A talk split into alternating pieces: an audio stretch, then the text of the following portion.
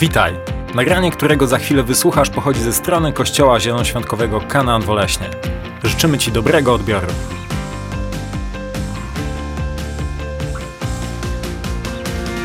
Okej. Nigdy nie myśl, że Olesno jest małym miastem. Nigdy nie myśl. Bóg ma wielkie rzeczy dla nas. Bóg ma niezwykłe rzeczy dla nas. A tydzień temu zaczęliśmy mówić e, na temat takiej serii, która brzmi bardzo ładnie po angielsku. Ready or not, here I come. It's for you. Ready or not, here I come. Gotowy czy nie, ja przychodzę.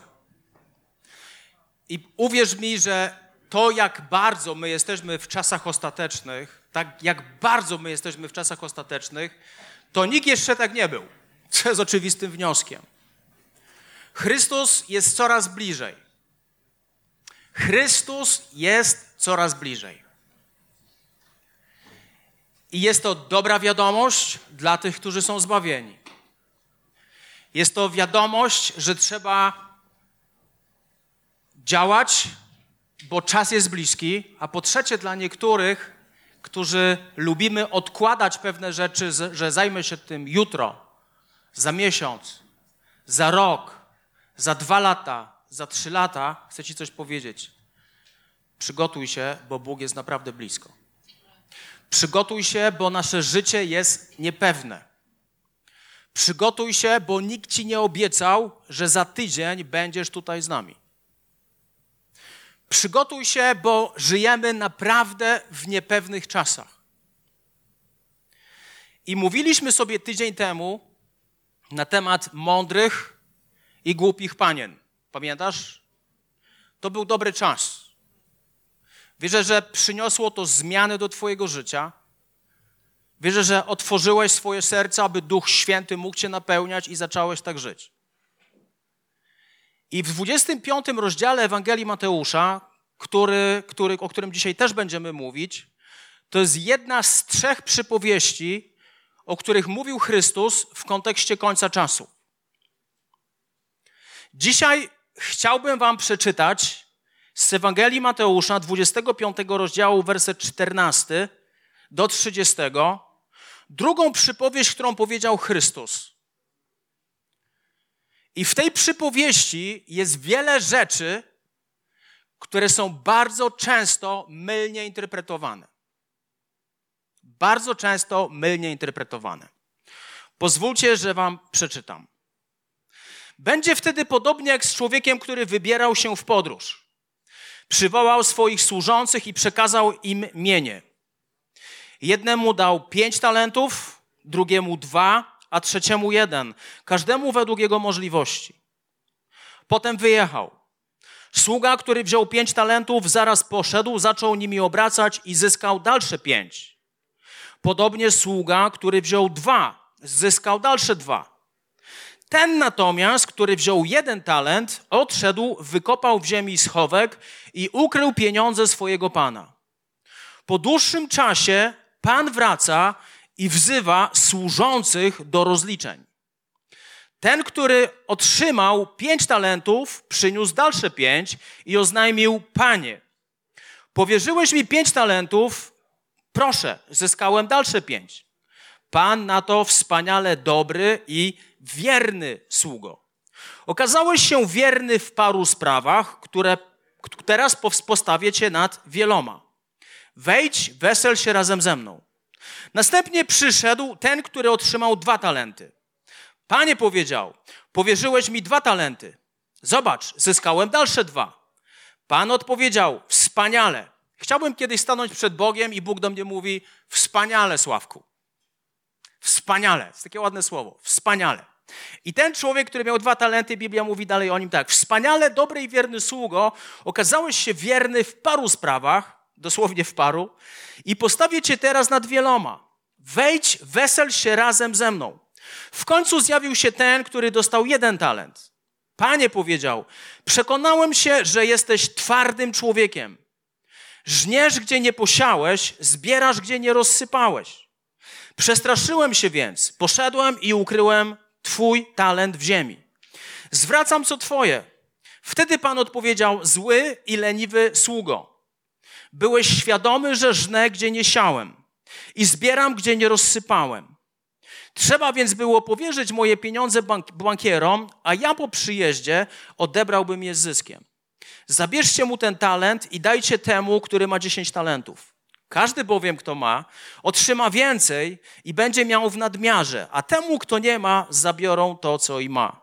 A nieużytecznego sługę wyrzućcie na zewnątrz, w ciemność, tam będzie płacz i zgrzytanie zębami.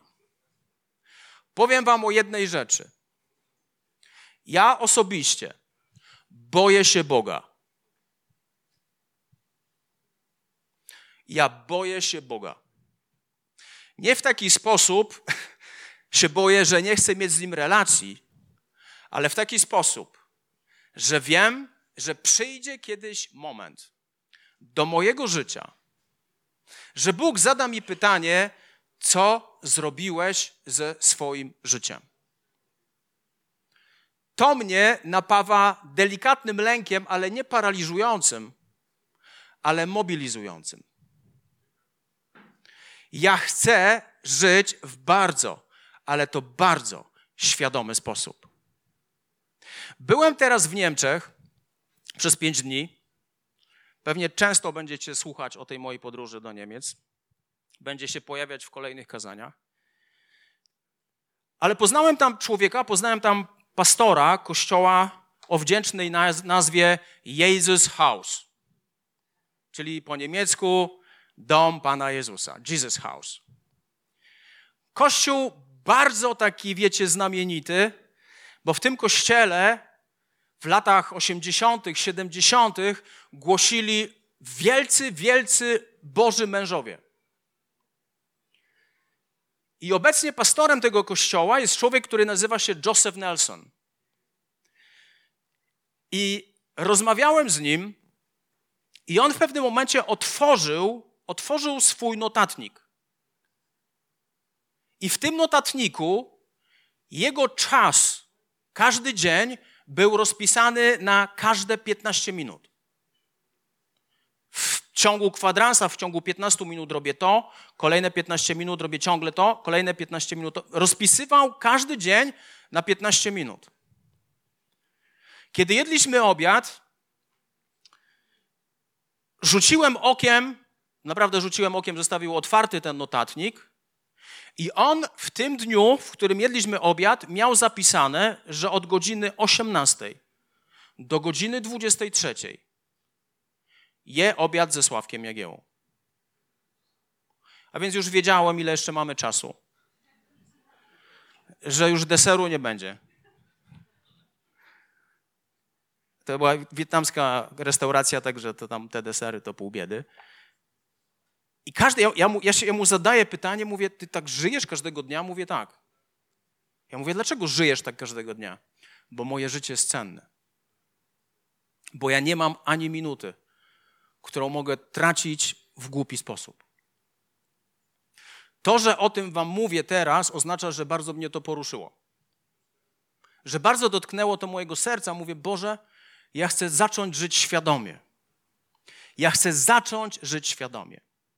I kiedy patrzymy na przypowieść o talentach, to musimy sobie ustalić kilka rzeczy. To jest nawet przypowieść, którą ja pamiętam w liceum, kiedy byłem, czyli jakieś 12 lat temu. Żart. To, można się śmiać, to, to przerabialiśmy tą przypowieść. I przerabialiśmy ją w zły sposób. Ponieważ słowo talent w Biblii nie oznacza Twoich darów, nie oznacza Twojego obdarowania. Słowo talent tutaj to jest po prostu waluta. Tak jak złotówka, tak jak euro czy dolar. To, jest, to, to była waluta. Jezus mówi, jeden dostał 5 dolarów, drugi dostał 2 dolary, a trzeci dostał 1 dolar. To jest pierwsza rzecz, którą musimy zrozumieć. Druga rzecz, którą musimy zrozumieć, że ten biblijny talent oznacza coś, co Bóg nam dał. To jest coś, co Bóg nam dał. Ja wierzę, że Bóg nam dał kilka rzeczy, które nam dał, ale On kiedyś rozliczy nas z tego, co my z tym zrobiliśmy. Bóg dał nam umiejętności. Bóg dał nam nasz czas. Czas to jest dar od Boga, który Bóg ci dał. Ty wiesz, że możesz sobie planować, co będziesz robił za rok, ale nie masz na to wpływu. Bóg dał ci czas. Następnie Bóg daje ci pieniądze. Bóg daje ci pieniądze. Bóg spowodował, że pracujesz w takim miejscu, a nie w innym. Bóg spowodował, że możesz zarabiać takie pieniądze, a nie inne. To jest coś, co On ci daje.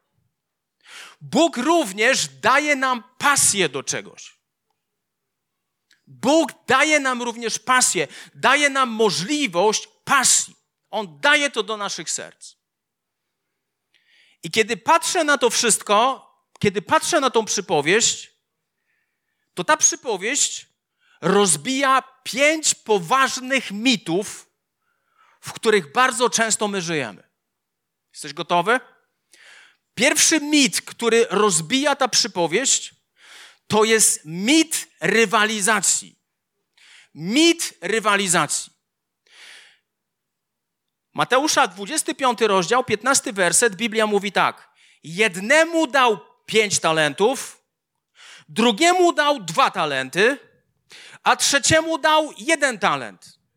Każdemu według jego możliwości. To jest niesamowicie istotne, że każdy z nas otrzymał coś od Boga, otrzymał do czegoś zdolność, jakiś dar, otrzymał czas, otrzymał pieniądze, otrzymał pasję do czegoś, każdemu według jego możliwości. Bóg nie rozdaje pewnych rzeczy w równy sposób. To, co ja mam, jest czymś zupełnie innym niż to, co ty masz. To, co ty masz, jest zupełnie czymś innym, w innej mierze, niż osoba, która siedzi po twojej prawej stronie. Ty nie musisz z nikim rywalizować. Jest jedna osoba, z którą musisz rywalizować. Jest jedna osoba, z którą musisz rywalizować, a poza tym nie ma nikogo innego. Wiecie, co to jest za osoba? To jest fantastyczna osoba. Dobrze się znacie. Powiem więcej, bardzo dobrze się znacie. Osoba, z którą musisz rywalizować, to jest osoba, którą każdego dnia widzisz w lustrze. To jest osoba, z którą musisz rywalizować. Masz rywalizować sam ze sobą. Ja rywalizuję w moim życiu, robię wszystko ze Sławkiem Jagiełą, wersja 2021. Ja nie chcę robić pewnych rzeczy, nie chcę mieć pewnych rzeczy, które miałem w roku 2021. Ja rywalizuję sam ze sobą, ale nie rywalizuję z Tobą. Wielu ludzi rozprasza się, bo zaczynają rywalizować z wszystkimi dookoła, kiedy nie rozumiesz jednej rzeczy. Bóg jednemu dał pięć talentów, jednemu dał dwa talenty, jednemu dał jeden talent, każdemu adekwatnie, odpowiednio jego możliwości. Są ludzie, Bóg nie żąda ode mnie, abym nie stanę kiedyś przed Bogiem i Bóg mi powie: Słuchaj, fajnie, fajnie żyłeś dla mnie, starałeś się, fajnie, ale mam ci za złe, że nigdy nie grałeś na gitarze w uwielbieniu. Nigdy tego nie zrobiłeś dla mnie. Mam ci za złe. Dlaczego Bóg nie będzie żądał ode mnie, abym ja grał na gitarze? Bo ja nie mam do tego żadnych zdolności. Totalnie. To nie jest moja pasja, to nie jest moje obdarowanie. Bóg nie będzie żądał ode mnie czegoś, Bóg nie będzie rozliczał mnie z czegoś, co nie zostało mi wcześniej dane. Ale patrzę na swoje życie i wiem, co Bóg mi dał. Wiem, do czego Bóg dał mi pasję, wiem, do czego Bóg dał mi zdolności, wiem, że Bóg dał mi czas, wiem, że Bóg dał mi pieniądze i On rozliczy mnie z tego, co mi dał. To jest niesamowicie istotna rzecz. To, to jest droga do dojrzałości, kochani. Ty i tylko ty Jesteś odpowiedzialny za to, co zrobisz z tym, co zostało ci dane. Z nikim nie musisz rywalizować. Z nikim nie musisz rywalizować. Rywalizuj tylko z sobą, a tak naprawdę ze starą wersją ciebie. Amen. Drugi mit. Bóg daje każdemu z nas czas, Bóg daje każdemu z nas pieniądze, Bóg daje każdemu z nas zdolności, Bóg daje każdemu z nas pasję. I problem polega na tym, że my nie rozumiemy pewnej rzeczy. Posłuchajcie, Ewangelia Mateusza znowu, 25 rozdział, werset 14. Będzie wtedy podobnie jak z człowiekiem, który wybierał się w podróż. Przywołał swoich służących i przekazał im, przekazał im swoje mienie. Posłuchajcie. Bóg dał ci pewne rzeczy, ale nie na własność. Ale nie na własność. Bóg daje ci czas. Bóg daje ci zdolności. Bóg daje ci pasję. Bóg daje ci pieniądze, ale On tobie je daje, abyś nie czuł się właścicielem tego, ale żebyś czuł się menadżerem tego i zarządcą tego, co zostało ci dane. Wszystko, co mamy, nie zostało nam dane na naszą własność. Wszystko, co mamy, jest nam dane po to, abyśmy mądrze tym zarządzali. Jeden przyniósł, ten, co dostał dwa talenty, mądrze, mądrze zarządzał, przyniósł kolejne dwa talenty. Jeden dostał pięć talentów, mądrze zarządzał, pomnożył to i przyniósł kolejne pięć talentów. Zadaj sobie teraz takie pytanie: czy ty traktujesz swoje pieniądze jako swoją własność?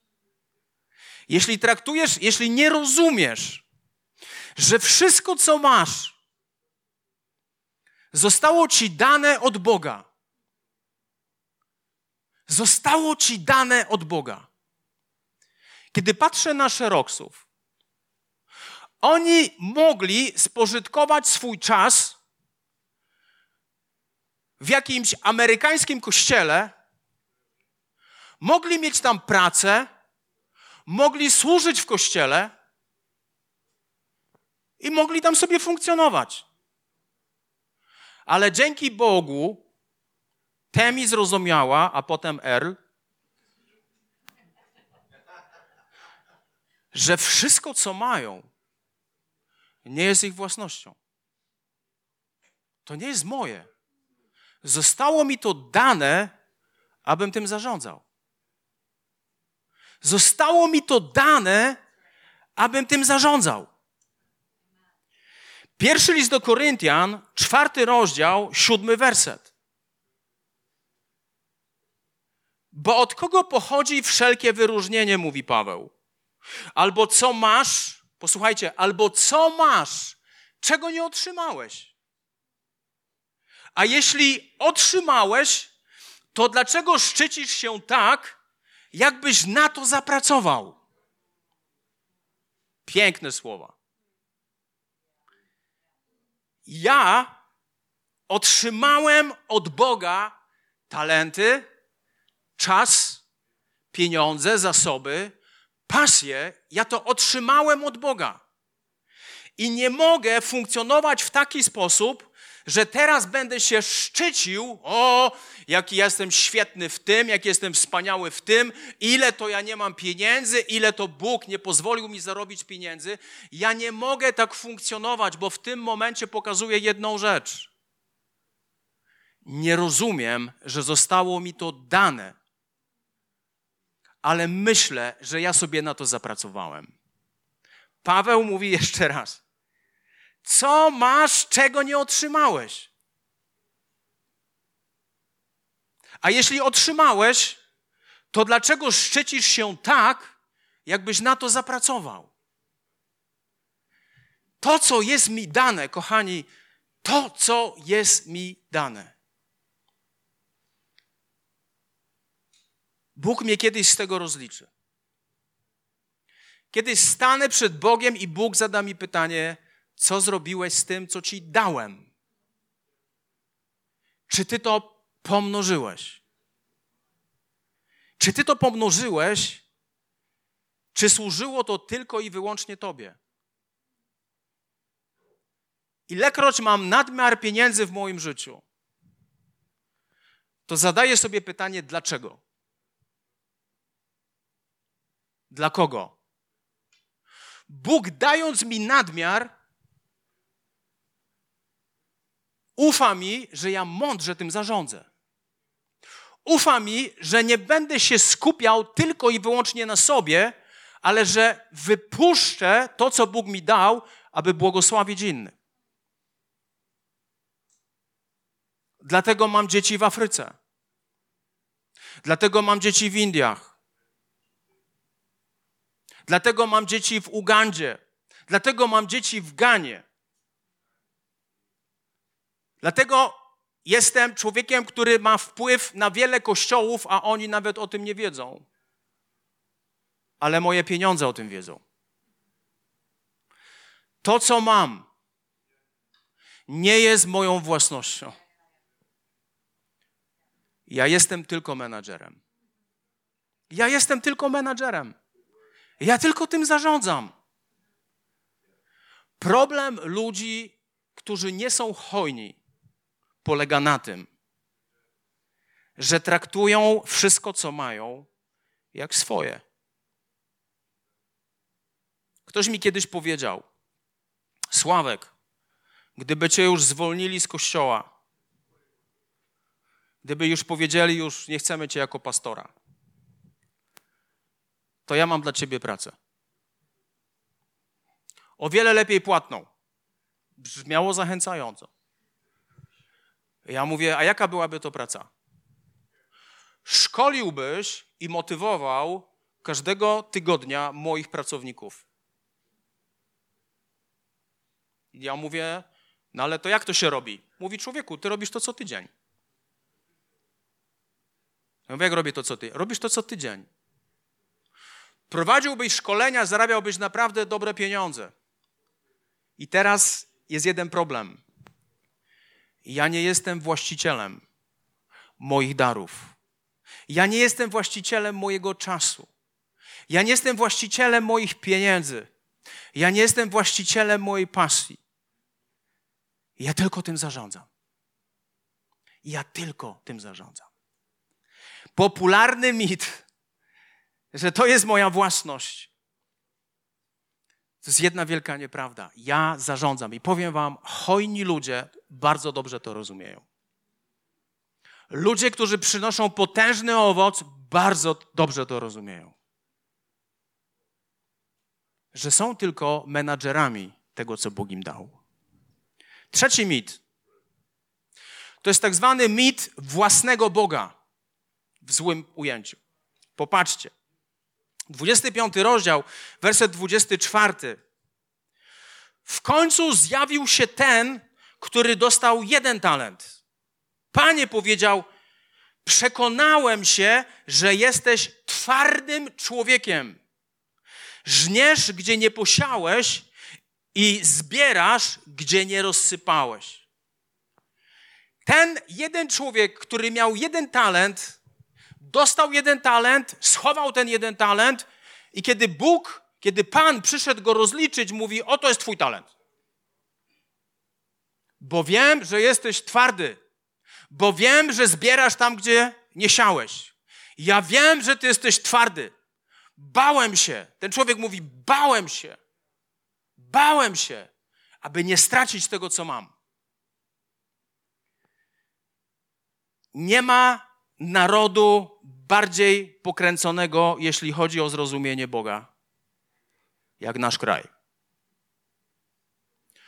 To, co przeciętny Polak myśli o Bogu, jest niezwykłe. Niezwykłe, a z drugiej strony jest niedorzeczne. Niektórzy ludzie myślą, że Bóg jest, posłuchajcie mnie bardzo uważnie, że Bóg jest dobrym ojcem, który potrzebuje naszego klepania po plecach, aby Bóg mógł jakoś funkcjonować. On jest dobrym ojcem, który przymyka oko na nasze grzechy i ciągle nam mówi, jakoś to będzie. Wielu ludzi postrzega Pana Boga jako ojca, który nie robi nic innego, który tylko rozpieszcza swoje dzieci. Taki dysfunkcyjny ojciec, który na jednych patrzy tak, a na drugich patrzy tak. Ale Bóg, który jest dobrym ojcem, ma takie cechy, że jest ojcem, który nas wychowuje. On nas wychowuje. Każdy dobry ojciec wychowuje swoje dzieci. To jest normalne. I czasami, czasami musimy być wychowywani przez Boga, bo robimy złe i głupie rzeczy. Czasami, jest, czas, czasami myślimy, że Bóg nie robi nic innego, tylko nas rozpieszcza. Bóg taki nie jest. Bóg jest konkretny. Ojciec, on jest ojcem, który nas mądrze kocha. On nas nie kocha w taki dziwny sposób, on nas mądrze kocha. Kiedy ja, ja mam trójkę dzieci i staram się moje dzieci kochać w mądry sposób. To nie, nie oznacza, że mój Filip kogoś kopnie, ja podejdę do niego i mówię: Oj, Filipku, ja cię tak kocham, ja cię tak kocham. Jestem w szoku, jak pięknie ty kopnąłeś swojego kolegę w nogę, że on teraz aż krwawi. Jesteś niesamowity. Bóg taki nie jest. Bóg taki nie jest. On nas kocha mądrze. On nas uczy życia odpowiedzialnie. On nas uczy życia, że wszystko, co siejesz, będziesz zbierał. On jest Bogiem, który nas mądrze kocha. Co więcej, On jest Bogiem, który ma wymagania. U, u, jak my tego nie lubimy. Mam kilku znajomych, którzy pracują w korporacjach. I oni nienawidzą dnia, kiedy szef chce z nimi porozmawiać na temat progresu, jaki zrobili w ostatnich trzech miesiącach. Dlaczego? Bo nagle się okazuje, że naszą odpowiedzialnością nie jest chodzić do pracy, ale naszą odpowiedzialnością jest chodzić do pracy, gdzie szef ma wymagania. Bóg, ojciec, dobry Bóg ma wymagania względem ciebie. On ma wymagania względem ciebie. On ma plany względem ciebie, on ma wymagania względem ciebie. O, znowu przez trzy miesiące nie czytałeś Biblii. O, nic się nie stało. Nic się nie stało. Spróbuj znowu. O, znowu trzy miesiące nie czytałeś Biblii. O, no nic się nie stało. Oj, znowu zgrzeszyłeś. Oj, znowu upadłeś. No, zdarza ci się już to od sześciu lat, robisz to, ale okej, okay, okej. Okay. Bóg ma wymagania. Dojrzali ludzie nie boją się wymagań. Byłem teraz na szkoleniu w Niemczech. Lot się opóźnił, w sensie lot. W piątek wieczorem miałem wylecieć o 22. Wychodzi kapitan i mówi: Bardzo mi przykro, nigdzie nie lecimy, lot odwołany. Super. Problem polega na tym, że odwołano jeszcze jeden lot do Sofii. I nagle wszyscy wychodzą z samolotu. Powiem wam, jaka była pierwsza reakcja. Kiedy ten kapitan taki zadowolony wyszedł i on mówi, bardzo mi przykro, jakby miał jakąś dobrą wiadomość do powiedzenia. Nigdzie nie lecimy. Lotnisko zamknięte, nigdzie nie lecimy. I każdy sobie myśli prima aprilis, bo to był 1 kwietnia. Okazało się, że to był najgorszy prima aprilis w moim życiu. Wyszliśmy z samolotu, ludzie z samolotu do Sofii wyszli i nagle na holu lotniska pojawia się około 400 osób, którzy nie mają gdzie spać, których plany zostały pokrzyżowane, no bo nie, lot odwołano. Lot odwołano. Ale linia lotnicza, której nazwę pominę, rozwiązała każdy problem. Postawiono dwie recepcjonistki, czyli jedna na 200 osób, które uspokajały, proszę Państwa, wszystko będzie dobrze. Okej. Okay. Mój znajomy, z którym leciałem, w sobotę o godzinie 14.30 miał wylatywać do Albanii.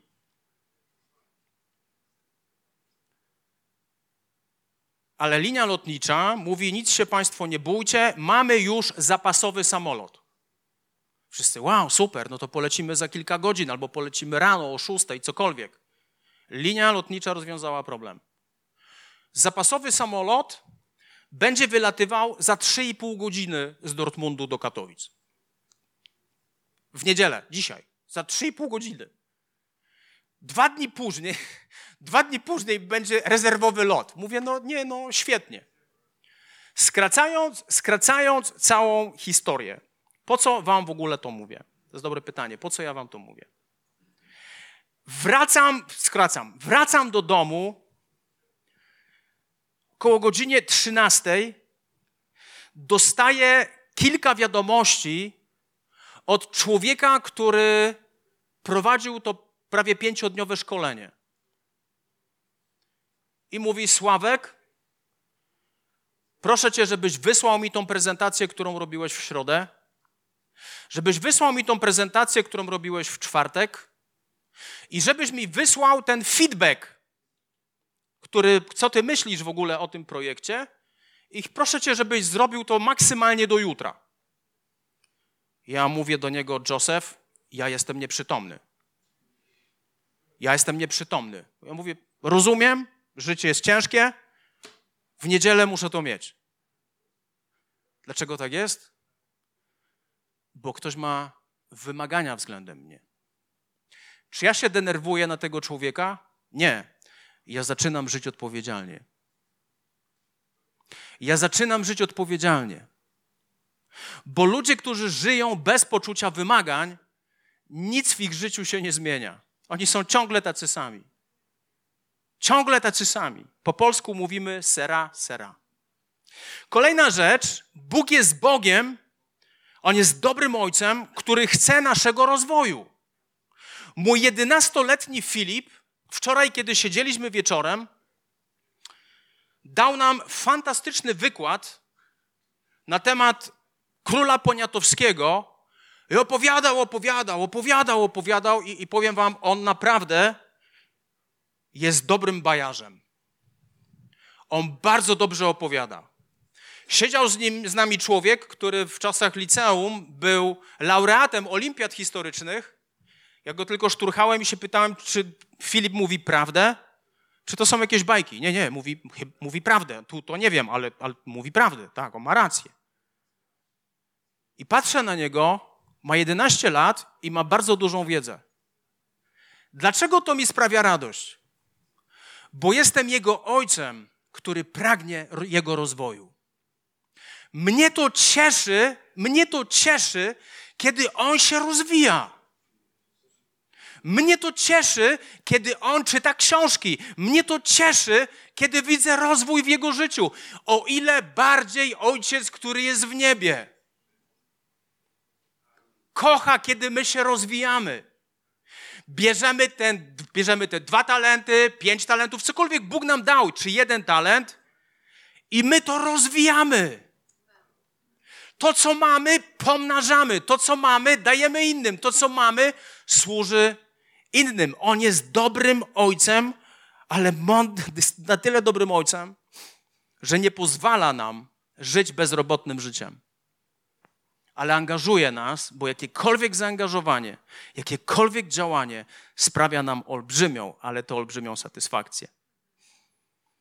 Czwarty mit. Oj, ten mit jest bardzo popularny. To jest tak zwany mit wierności. Powiem wam, usłyszałem o tym z 10 lat temu i to mocno zmieniło moje życie.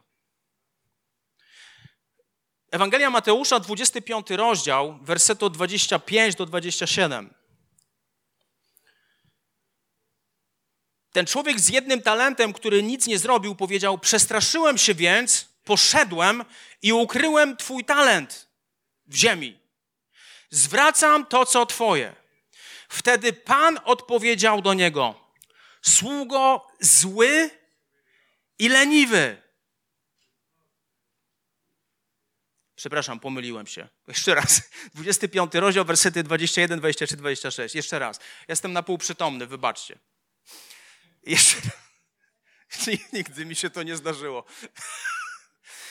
O Panie Jezu. Przeskoczyłem jeden punkt. Super, Sławek. Mateusza 25, 21, 23, 26. Pan na to, wspaniale, dobry i wierny sługo.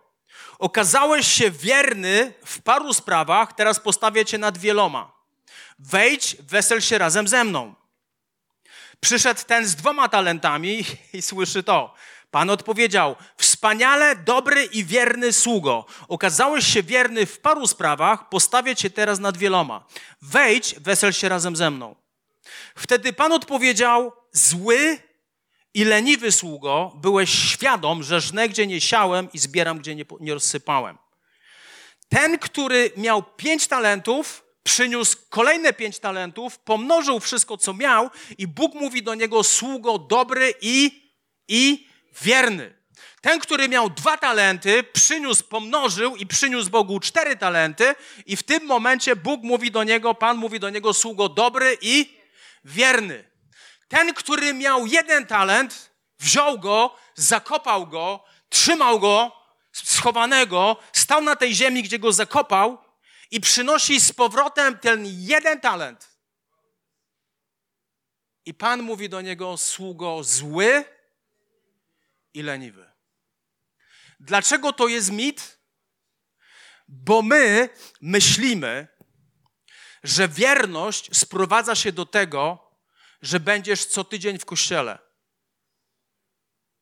Że wierność sprowadza się do tego, że będziesz wiernie się modlił i będziesz wiernie czytał Biblię. Te rzeczy są ważne, ale Bóg ci coś dał. Bóg ci dał umiejętności, Bóg dał ci czas, Bóg dał ci pasję, Bóg dał ci pieniądze i Bóg chce, abyś pomnożył to. W jaki sposób to pomnażasz? Używasz tego nie dla siebie, ale dla innych. To, co zostało ci dane, używasz dla innych. Wierność w naszym mniemaniu, nie wiem, czy to jest wynik komuny, poprzedniego systemu, jest wynik. Przynoszę jeden talent, trzymam go w kieszeni i jestem wierny. Biblijna zasada wierności polega na tym, że mam dwa talenty i biorę dwa talenty i robię wszystko, aby to pomnożyć. To jest biblijna wierność. Biblijna wierność jest taka, że mam pięć talentów, pomnażam to, co mam.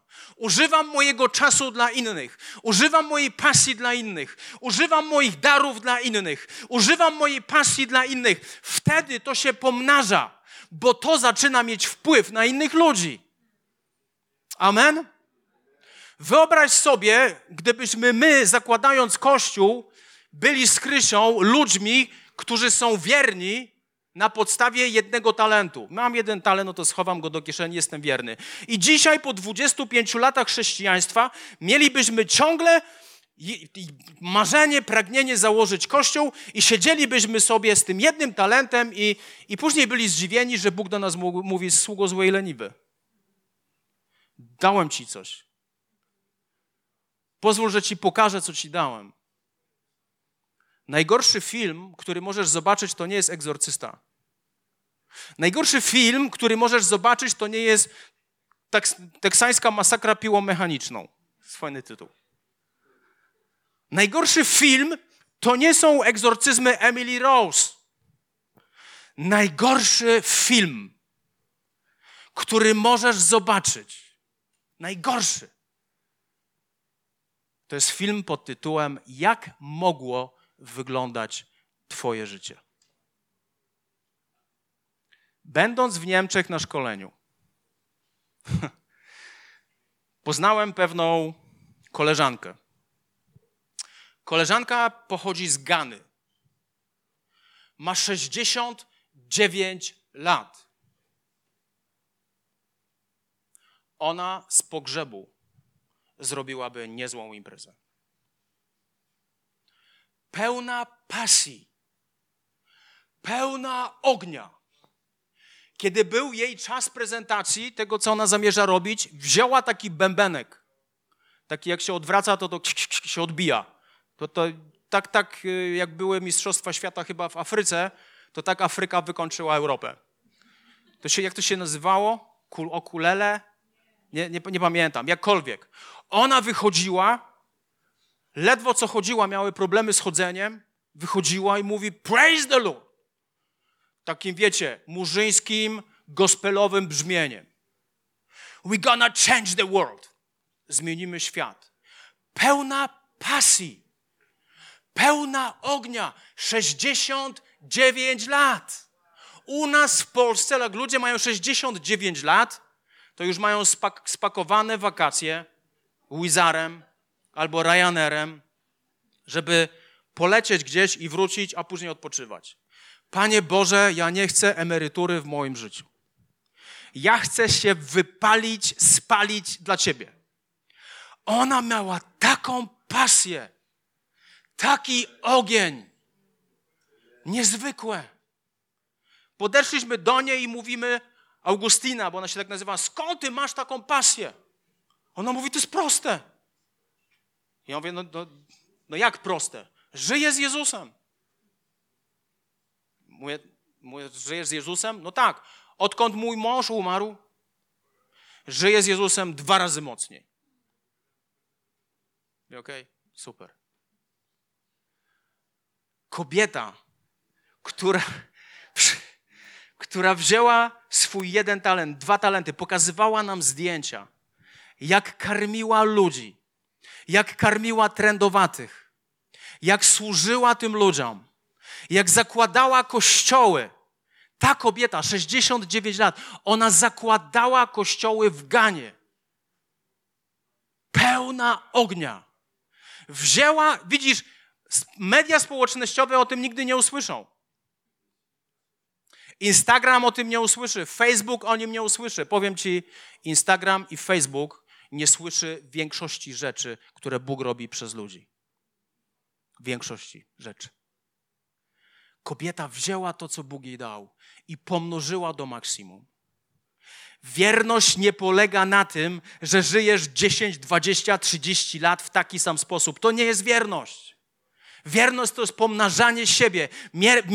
Wierność to jest pomnażanie tego, co Bóg ci dał.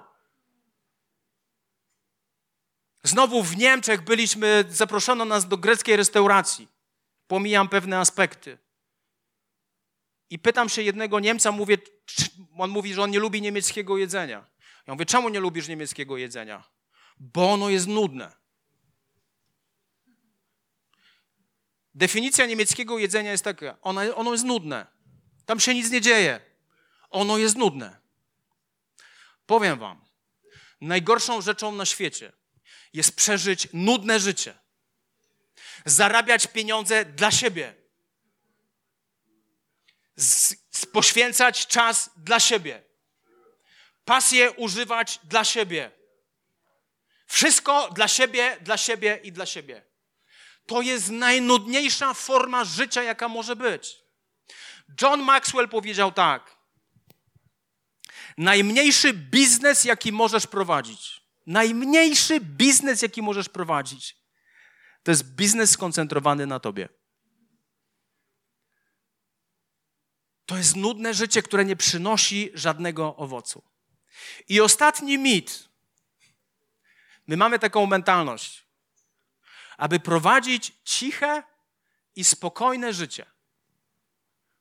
Powiem Wam, są takie miejsca, gdzie się prowadzi ciche i spokojne życie. Spędzisz tam wieczność. Ciche i spokojne życie. Popatrzcie, Ewangelia Mateusza, 25 rozdział, wersety od 25 do 27. To jest ten fragment, który przeczytałem wcześniej. Jednotalentowiec mówi: Przestraszyłem się więc, poszedłem, ukryłem Twój talent w ziemi. Zwracam to, co Twoje. Wtedy Pan odpowiedział: Zły i leniwy sługo. Byłeś świadom, że żnę, gdzie nie siałem i zbieram, gdzie nie rozsypałem. Trzeba więc było powierzyć moje pieniądze bankierom, a ja po przyjeździe odebrałbym je z zyskiem. Ciche i spokojne życie w mentalności Chrystusa polega na tym, abyś nie panikował, ale ufał Chrystusowi we wszystkim. To jest ciche i spokojne życie. Życie, które Bóg dla nas ma, to jest życie, które jest ekscytujące. To jest życie, które jest pełne wyzwań. To jest życie, które jest pełne zwycięstw. To jest życie, które Bóg nam daje. Ono jest ekscytujące. Ja nie zamieniłbym mojego życia za nic. Moja Krysia pisała do mnie w tym tygodniu, kiedy ja byłem na tym szkoleniu prawie pięciodniowym, co tam u ciebie, jak się masz? Napisałem do mojej Krysi w taki sposób. Mówię, Krysia, ja po to żyję.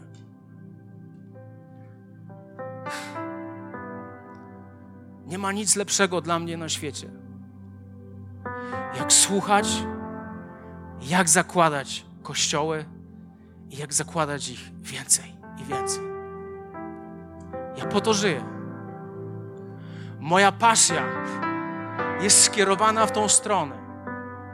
Moje talenty są skierowane w tą stronę. Moje pieniądze są skierowane w tą stronę. Mój czas jest skierowany w tą stronę. Ja po to żyję. Ja mówię, Krysia, nie może być lepiej. Człowiek, z którym spałem w pokoju, chrapał jak rosyjski traktor, zepsuty traktor. Masakra. Później budził się około trzeciej nad ranem i włączał telefon, tak że rozświetlał cały pokój. I siedział na tym telefonie od godziny do dwóch. W ciągu jednej nocy wychodził do ubikacji cztery razy albo trzy. I mieliśmy dwa włączniki w pokoju światła. Jak jest ciemno, to nic nie widać. Jeden do łazienki, a drugi do pokoju. Widzę, że już wiecie o co chodzi. Czasami udało mu się trafić. Czasami udało mu się trafić. W końcu zasnąłeś. Udało ci się. On włącza telefon. W końcu znowu ci się udało zasnąć. On idzie do ubikacji. Jest wszystko rozświetlone. Jest godzina 6.30. Sławek! Sławek! Sławek! Ja mówię, słucham cię, Jurku. Idziesz się pierwszy myć, czy po mnie?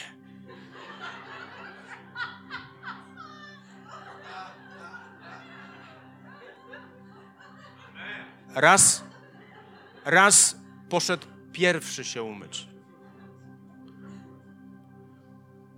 wszelki ludzki dźwięk, który człowiek jest w stanie wyprodukować, on wyprodukował pod prysznicem.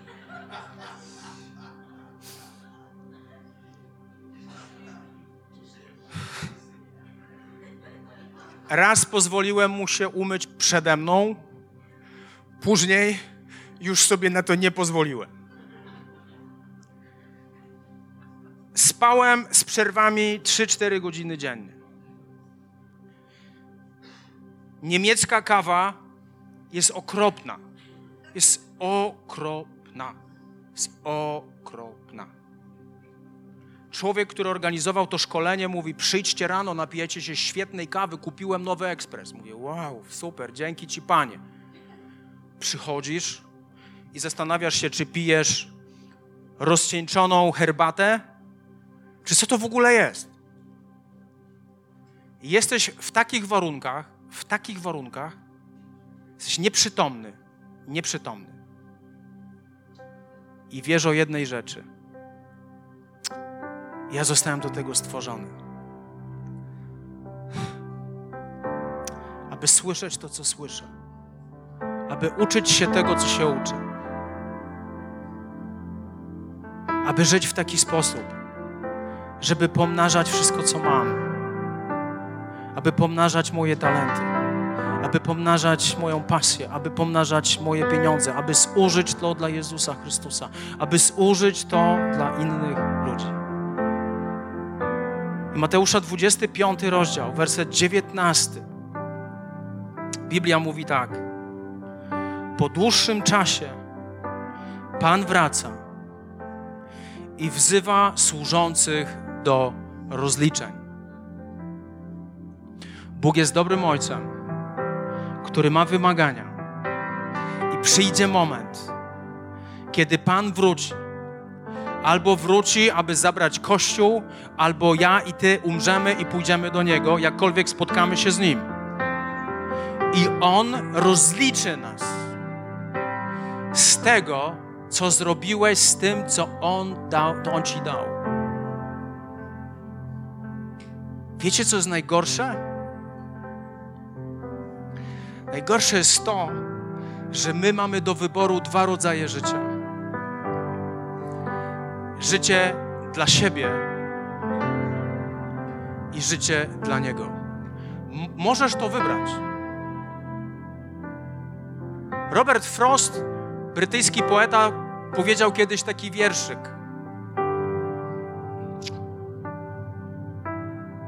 Stanąłem na rozdrożu dróg. Była jedna droga i druga droga. I wybrałem tą mniej uczęszczaną. I wtedy zmieniło się wszystko.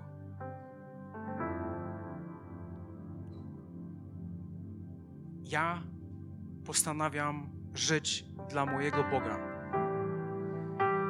Ja postanawiam żyć dla mojego Boga. Ja biorę moje talenty, używam dla Niego. Ja biorę moją pasję, używam dla Niego. Ja biorę mój czas i poświęcam dla Niego. Ja biorę moje pieniądze i poświęcam dla Niego, bo rozumiem jedną rzecz. Wszystko zostało mi dane. To mi zostało dane. Ja mam użyć to wszystko w mądry sposób. Życie, które daje nam Bóg, życie, które daje nam Jezus. To jest życie, to co powiedział Jezus w Ewangelii Jana w 10 rozdziale, 10 wersecie. Ja jestem dobrym pasterzem, ja przyszedłem, aby moje owce miały życie. Życie w pełnej obfitości. Ta obfitość polega na tym, że Ty jesteś spełnionym człowiekiem, że żyjesz do, do, do tego, do czego stworzył Cię Bóg. Spełnione życie to jest życie do tego, do czego stworzył Cię Bóg. Ludzie mogą chrapać, ludzie mogą świecić światło w nocy, ludzie mogą puszczać bąki w łazience, ludzie mogą budzić się kilka razy w ciągu nocy, zapalając światło, ale kiedy żyjesz życiem, do którego stworzył Cię Bóg, to nic, absolutnie nic nie jest w stanie spowodować, że staniesz się smutny. Będziesz żył życiem, które będzie ciągle życiem pełnym ekscytacji. To jest życie, które ma dla Ciebie Bóg.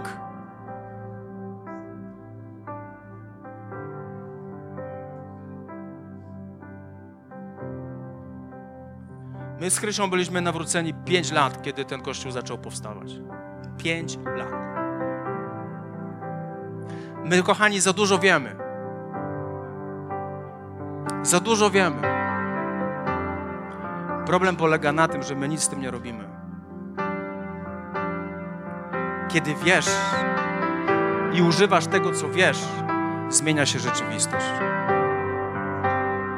Nie czekaj. Nie czekaj. Chciałbym się pomodlić teraz z Tobą o taką jedną rzecz.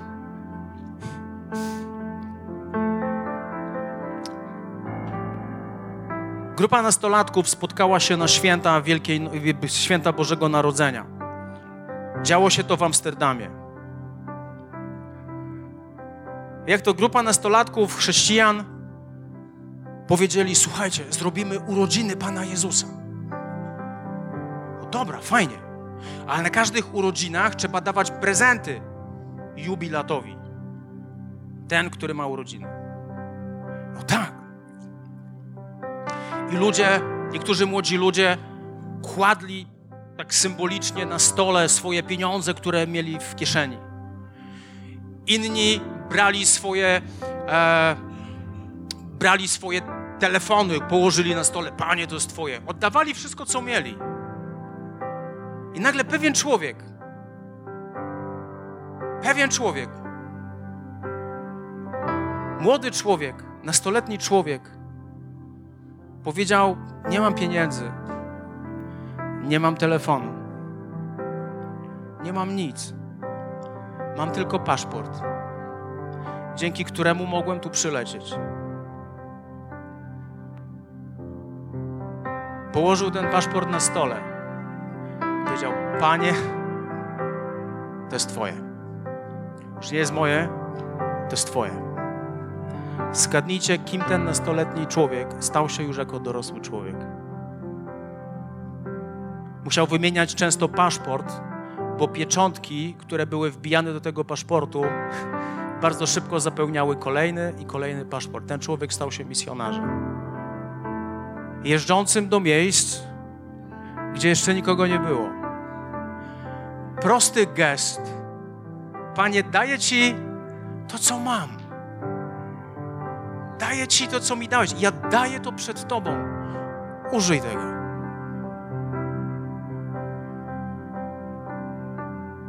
Jakim życiem chcesz żyć?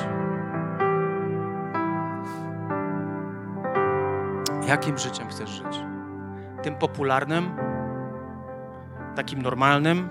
Niedziela, niedziela, niedziela, niedziela, niedziela, Biblia, modlitwa, niedziela, Biblia, modlitwa. Wszystko jest ważne. Ale najważniejsze w tym wszystkim, kiedy to robisz, najważniejsze jest to, aby użyć wszystkiego, co Bóg Ci dał, aby Twoje życie przyniosło Bogu chwałę. Jeśli chciałbyś dzisiaj w tym miejscu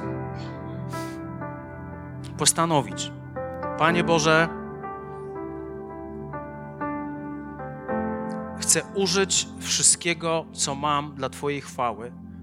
Jeśli chcesz podjąć taką decyzję, to prosiłbym Cię, abyś wstał. Abyś po prostu wstał.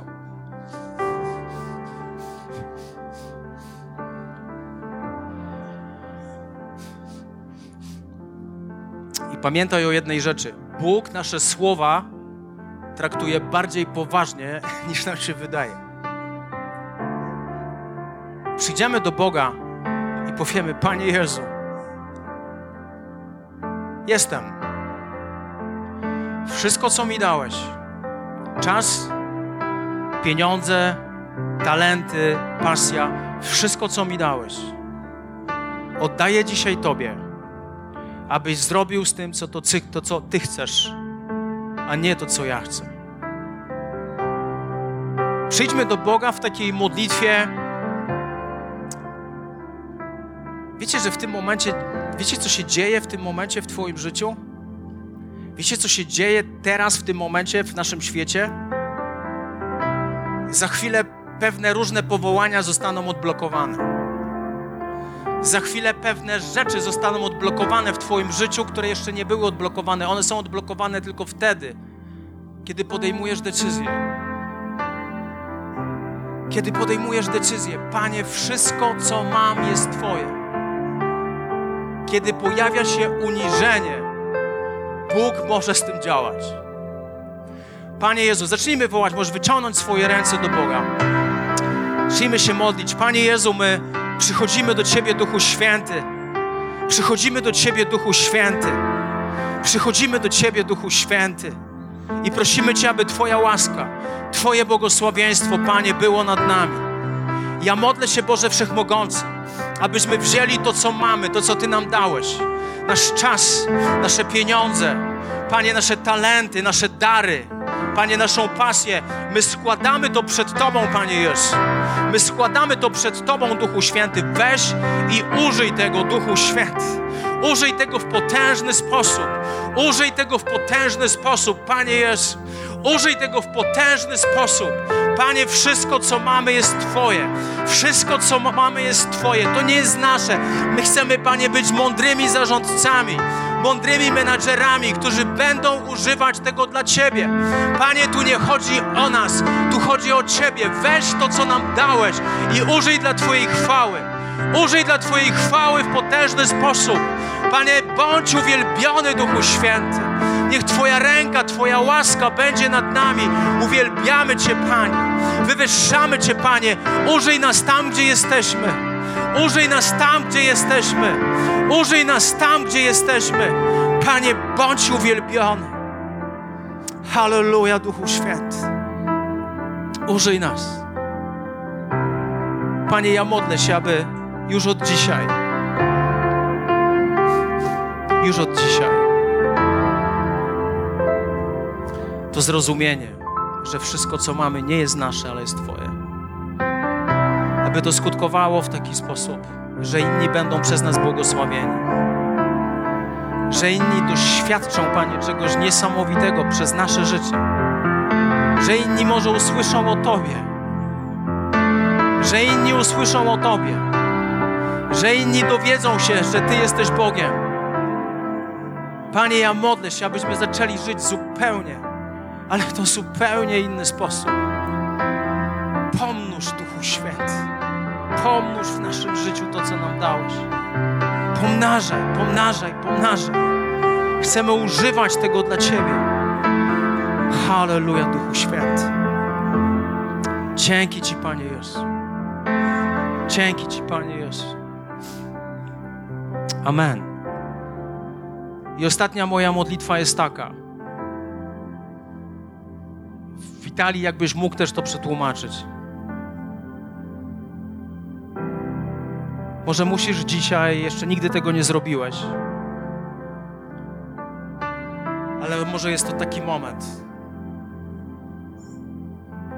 kiedy Bóg mówi do ciebie: Ja nie chcę Twojego czasu, ja nie chcę Twoich pieniędzy, ja nie chcę Twoich talentów, jeśli Twoje życie nie należy do mnie.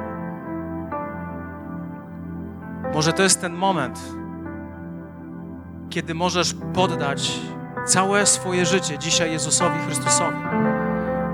Aby, abyś poddał wszystko, kim Ty jesteś, abyś poddał wszystko, co masz właśnie Jemu. Bóg chce przyjść i zbawić Ciebie. Jeśli pragniesz przebaczenia grzechów, jeśli pragniesz, aby Jezus Chrystus stał się Panem Twojego życia, to proszę pomódl się ze mną taką modlitwą. Powtórz za mną taką prostą, zwyczajną modlitwę. Panie Jezu, ja przychodzę do Ciebie. I wiem, że jestem grzesznikiem. I wiem, że popełniłem wiele błędów. Ale proszę Cię, żebyś oczyścił moje serce. Żebyś oczyścił moje życie.